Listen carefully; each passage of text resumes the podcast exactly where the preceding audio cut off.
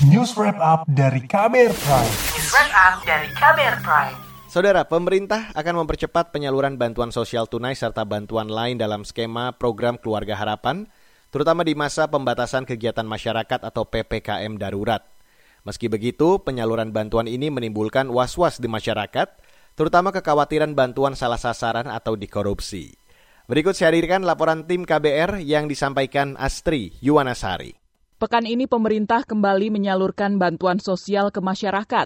Bantuan dirapel dua bulan sekaligus untuk membantu masyarakat selama penerapan pembatasan kegiatan PPKM Darurat Jawa Bali. Ketua Komite Penanganan COVID-19 dan Pemulihan Ekonomi Nasional Erlangga Hartarto mengatakan bantuan berupa bantuan sosial tunai ditambah bantuan beras. Kepada penerima PKH, keluarga harapan dan uh, yang mendapatkan uh, bantuan tunai kepada 20 juta keluarga. Ini akan dipersiapkan uh, bantuan tambahan beras sebesar 10 kg. Nah, ini sedang dalam proses di Kementerian Sosial dan dengan Bulog. Bantuan sosial tunai yang diberikan sebesar Rp300.000 per bulan untuk dua bulan sekaligus atau masyarakat penerima akan mendapat total bantuan Rp600.000. Namun rencana pencairan dana bansos tunai ini memunculkan kekhawatiran adanya penyalahgunaan atau salah sasaran.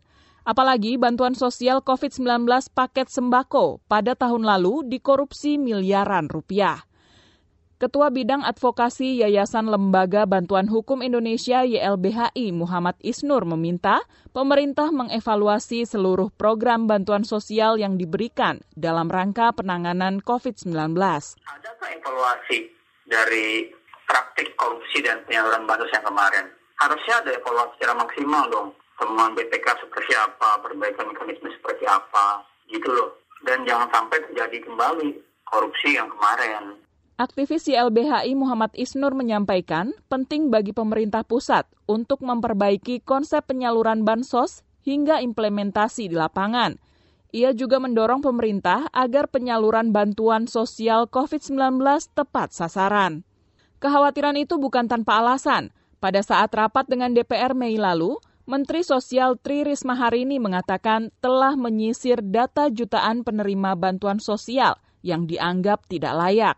Hasilnya ada 3 juta identitas penerima bansos yang aneh, mulai dari identitas ganda hingga ada yang lahir tahun 2040-an. Kurang lebih 3 juta sekian, karena bank tidak mau menyalurkan. Setelah kita kenceng, bank tidak mau menyalurkan 3 juta. Lah wong namanya tuh memang IT, Pak. Di data kependudukan itu namanya IT.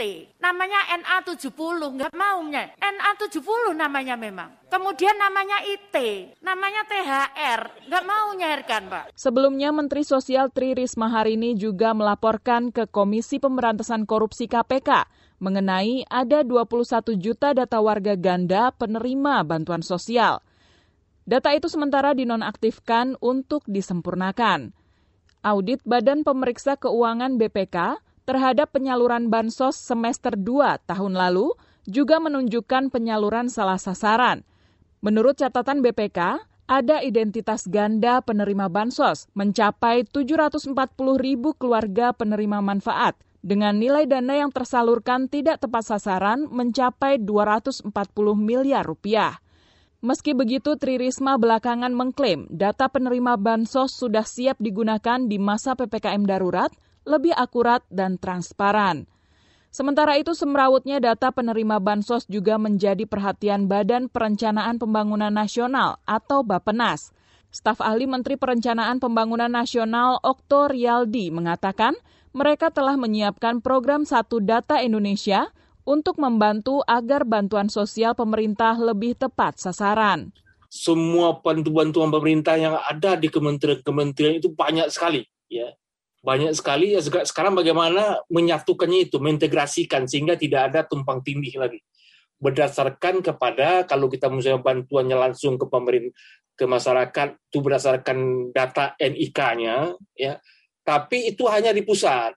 Sekarang bagaimana kita menyatukan yang ada di daerah ya APBD APBD mereka itu. Penyaluran data bansos melalui Satu Data Indonesia ini menggunakan basis nomor induk kependudukan dan menghindari tumpang tindih data yang kerap terjadi, terutama antar kementerian, lembaga, dan pemerintah daerah.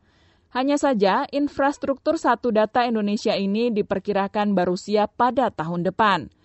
Laporan ini disusun Agus Lukman, saya Astri Yuwanasari. Kamu baru saja mendengarkan news wrap up dari Kabel Prime. Dengarkan terus kabelprime.id, podcast for curious minds.